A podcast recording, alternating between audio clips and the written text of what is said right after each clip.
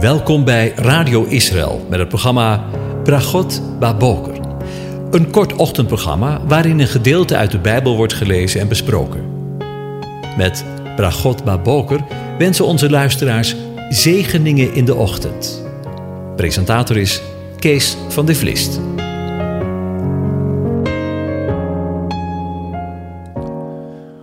Goedemorgen, beste luisteraars. Bokatov. We gaan vanmorgen weer verder met het overdenken van Psalm 110. Ehm, ik lees alle versen weer aan je voor. Een psalm van David. De Heere heeft tot mijn Heere gesproken. Zit aan mijn rechterhand. Totdat ik uw vijanden gemaakt zal hebben tot een voetbank voor uw voeten. De Heere strekt uw machtige scepter uit vanuit Sion en zegt: Heers te midden van uw vijanden. Uw volk is zeer gewillig op de dag van uw kracht, getooid met heilig sieraad.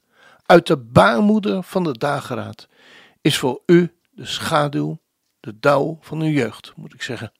De Heere heeft gezworen en hij zal er geen berouw van hebben. U bent priester voor eeuwig, naar de verordening van Melchizedek. De Heere is aan uw rechterhand.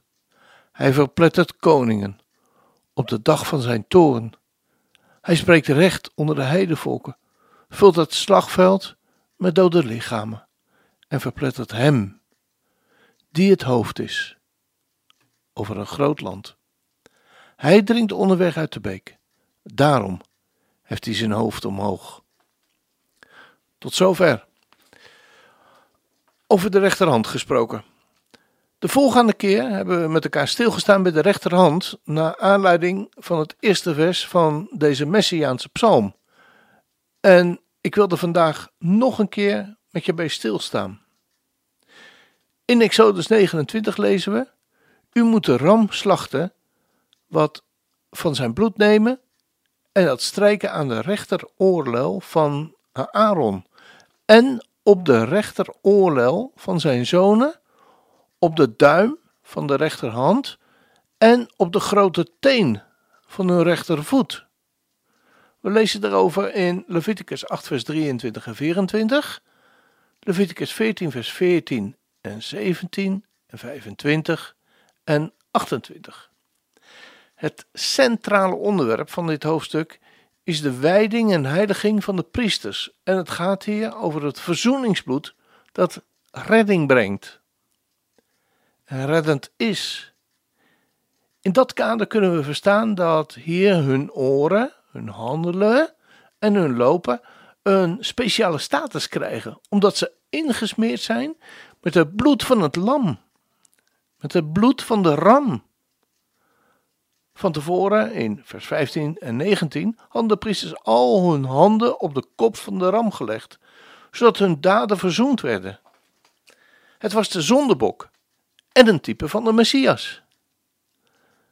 We lezen ook dat de delen van deze ram als beweegoffer voor het aangezicht van de Heer bewogen moesten worden en daarmee is de verwijzing naar de opstanding van de Messias compleet. Dit bewegen, dit offeren, is niet zomaar wat heen en weer geslingeren, maar een oprijzen en een neerdalen van degene, van datgene wat gedood was. Maar er wordt in de schrift ook gesproken over het rechteroog. In 1 Samuel 11 vers 2 lezen we, maar Nahas, de Ammoniet, zei tegen hen, op deze voorwaarden zal ik een verbond met je sluiten, dat ik bij u alle het rechteroog uitsteek. Zo zal ik schande over heel Israël brengen. Hier wordt het naast dus geëist dat het beste oog van de mannen van het leger van koning Saul eruit gestoken zou moeten worden. Een idioot hoge prijs. Maar indien uitgevoerd, desastreus voor het leger van Israël. Dan wordt de geest van God vaardig over Saul. Hij ontsteekt in woede en verslaat Nahas, verpletterend. En wordt vervolgens tot koning aangesteld in Gilgal. En Gilgal is de grote ommekeer. En in Zachariah 11 vers 17 lezen we, Wee de herder van niets, die de kudde in de steek laat. Het zwaard zal zijn arm treffen en zijn rechterarm. Oog. Zijn arm zal helemaal verstijven en zijn rechteroog zal helemaal dof worden. Ook hier worden als straf de herders verlamd door hun, hun belangrijkste oog en arm buiten werking te stellen. En vervolgens wordt in het Tweede Testament over de rechter schouder en de rechter achterbout gesproken. In Exodus 29, vers 22 lezen we. Maar de borststukken van de rechter achterbout bewoog Aaron als beweegoffer voor het aangezicht van de Heer, zoals Mozes geboden had. En we lezen daarover in Leviticus 7, vers 32 en 33, 8, vers 25 tot 26 en in 9, vers 21. En zodra het over het beweegoffer gaat, weten we dat het over de opstanding gaat. Immers, het geslachte en in delen gesneden dier beweegt weer. En meer specifiek gaat het hier over de rechter schouder, van waaruit de rechter voorpoot wordt aangestuurd, de aanvalsklauw. En over de rechter achterbout, van waaruit de rechterpoot, de afzetpoot, wordt bediend. Beide, overdrachtelijk gezien, de meest belangrijke ledematen van een viervoeter. In de meeste talen is er ook een ongelijkheid terug te vinden in de overdrachtelijke betekenis van links en rechts. In ons woord rechts ligt het woord recht ingesloten, wat terugkomt bij rechtvaardigheid, gerechtigheid. En bij links is dat toch anders. Daar zit link, het woord link in. En dat is echt onbetrouwbaar of vals. De rechter Ehud maakte op slinkse wijze gebruik van zijn linkshandigheid volgens Richter 3 vers 21. En het woord recht vinden we veel terug in onze taal en steeds met een positieve betekenis, zoals rechtvaardig, rechtmatig, rechtop, rechtschapen, rechtszaak, rechtuit, rechthuis en rechter. Paulus moest ook gaan naar de straat die genaamd wordt de rechte in Handelingen 9 vers 11. Hij had de Heer ontmoet en ging vanaf dat moment de goede kant op. Het woord rechts in het Engels is right. En dat betekent ook rechtvaardig. En het is ook oké. Links is hier left. En dat betekent ook achterlaten of laten. Recht door zee gaan betekent iets op de goede manier doen. En op de goede manier aanpakken en doorpakken. Als iemand of iets links is, kun je beter maar niet met degene omgaan. Want dat is gevaarlijk en het kan verkeerd met je aflopen. Iemand met twee linkse handen is doorgaans iemand die buitengewoon onhandig is.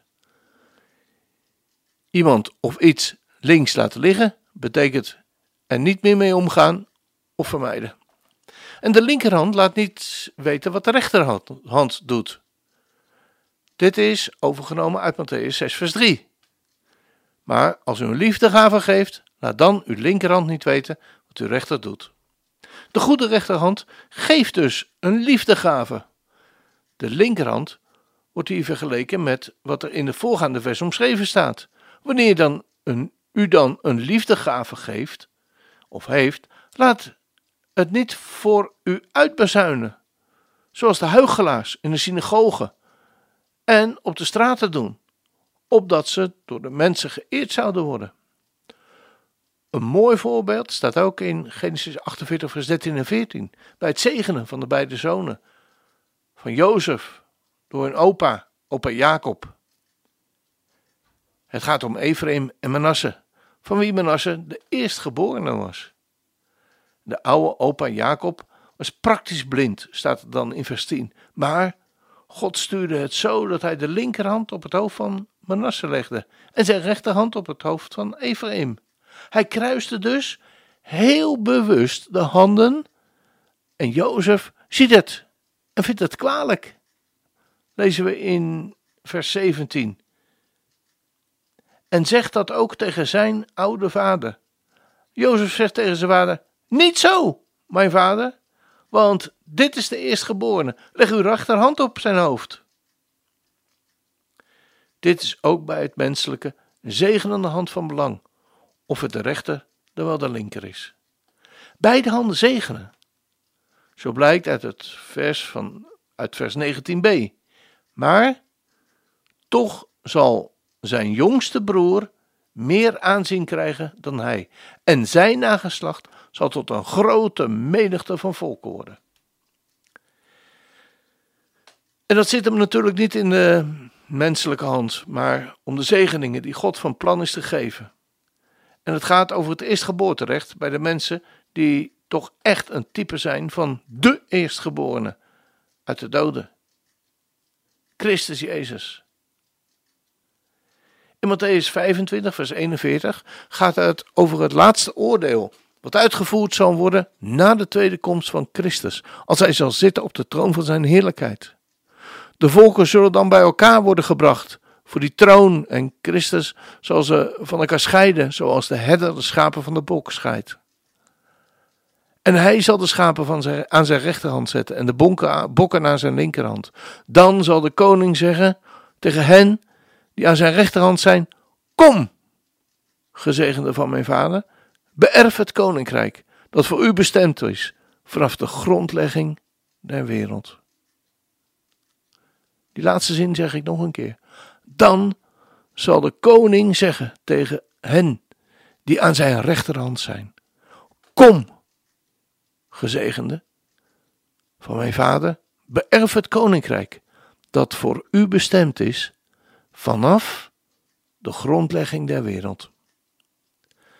En daarna wordt in de volgende verse uitvoerig beschreven wat hiervoor de criteria zijn.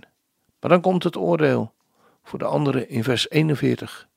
Dan zal hij ook zeggen tegen hen die aan de linkerhand zijn: Ga weg van mij, vervloekte, in het eeuwige vuur dat voor de duivel en zijn engelen bestemd is. Dat lijkt me duidelijke taal. Het loopt niet goed af met degenen die aan zijn linkerhand worden geplaatst in die toekomstige periode van het koninkrijk. Maar dit is dan ook tevens de enige Bijbeltekst waar overdrachtelijk over Gods linkerhand wordt gesproken. De verschillen tussen links en rechts zijn groot in de Bijbel. Er blijkt een diepere betekenis in te liggen met het oog op Gods handelen. Laten we voortaan de linkshandigen onderlezers of onder de hoorders zich dus niet achtergesteld voelen. Want daar gaat het niet om. Het gaat om hoe God werkt en de terminologie die hij daarvoor in zijn woord gebruikt om daarmee ook zijn principes duidelijk te maken. Hij is een liefdevolle en een gulle God die ondersteunt en sterkt met zijn machtige rechterarm. En dat hebben we als mens zo dringend nodig. We kunnen linksom of rechtsom gelukkig altijd bij Hem terecht. Als dat geen zegen is. Deze morgen heb ik ervoor gekozen voor een lied uit de bundel van opwekking, nummer 750. Het lied is geschreven naar aanleiding van Filippenzen 2, vers 9 tot en met 11, waar we lezen: Daarom heeft God hem ook bovenmatig verhoogd en heeft hem een naam geschonken boven alle naam opdat in de naam van Jezus zich zou buigen elke knie van hen die in de hemel, die op de aarde en die onder de aarde zijn, en elke tong zou beleiden dat Jezus Christus de Heer is, tot heerlijkheid van God de Vader. Elohim, de Schepper God, El Olam, die eeuwig is en blijft. El Elyon, de hoogste God, God van almacht, El Shaddai. Eer en glorie, kracht en zegen, voor uw naam, o Heer, eer en glorie, kracht en zegen, voor uw naam, o Heer. Yahweh, Jireh, God die zorgt, Zebaoot, de hemelleger zegen. Heer, de herder, God, Yahweh, Roi, altijd bij ons. Heer, Shama. Uw naam, een lied in de nacht, voor u, voor wie u bent. Uw naam, de prachtige naam van Jezus, Yeshua. Uw naam, een lied in de nacht, voor u, voor wie u bent. Uw naam, de prachtige naam van Yeshua. Adonai, mijn Heer die leidt. El Roe, die altijd waakzaam blijft. Heer Shalom, de vredevorst. Immanuel, hier bij ons. We gaan luisteren.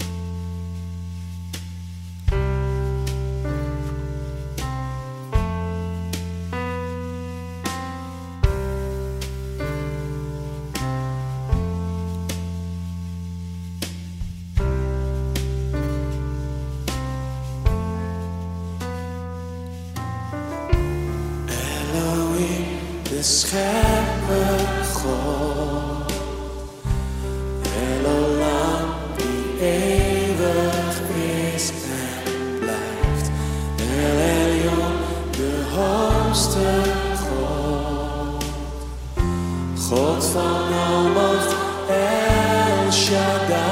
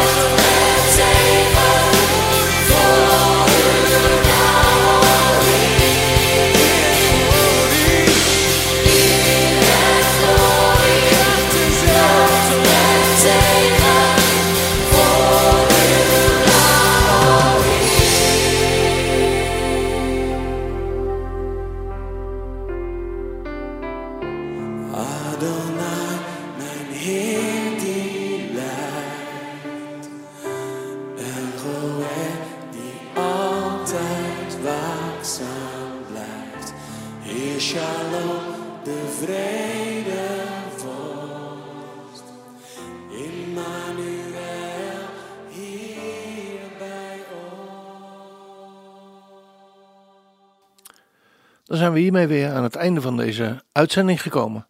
En rest mij u uh, God zegen toe te wensen voor deze dag. De Heer zegene en behoede u. De Heer doet zijn aangezicht over je lichten en is je genadig. De Heer verheft zijn aangezicht over je en geeft je zijn vrede, zijn shalom.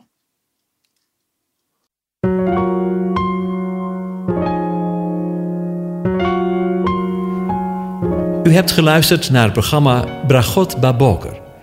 Een kort ochtendprogramma waarin een gedeelte uit de Bijbel wordt gelezen en besproken. Wilt u het programma nog eens naluisteren, dan kan dat. Ga naar radioisrael.nl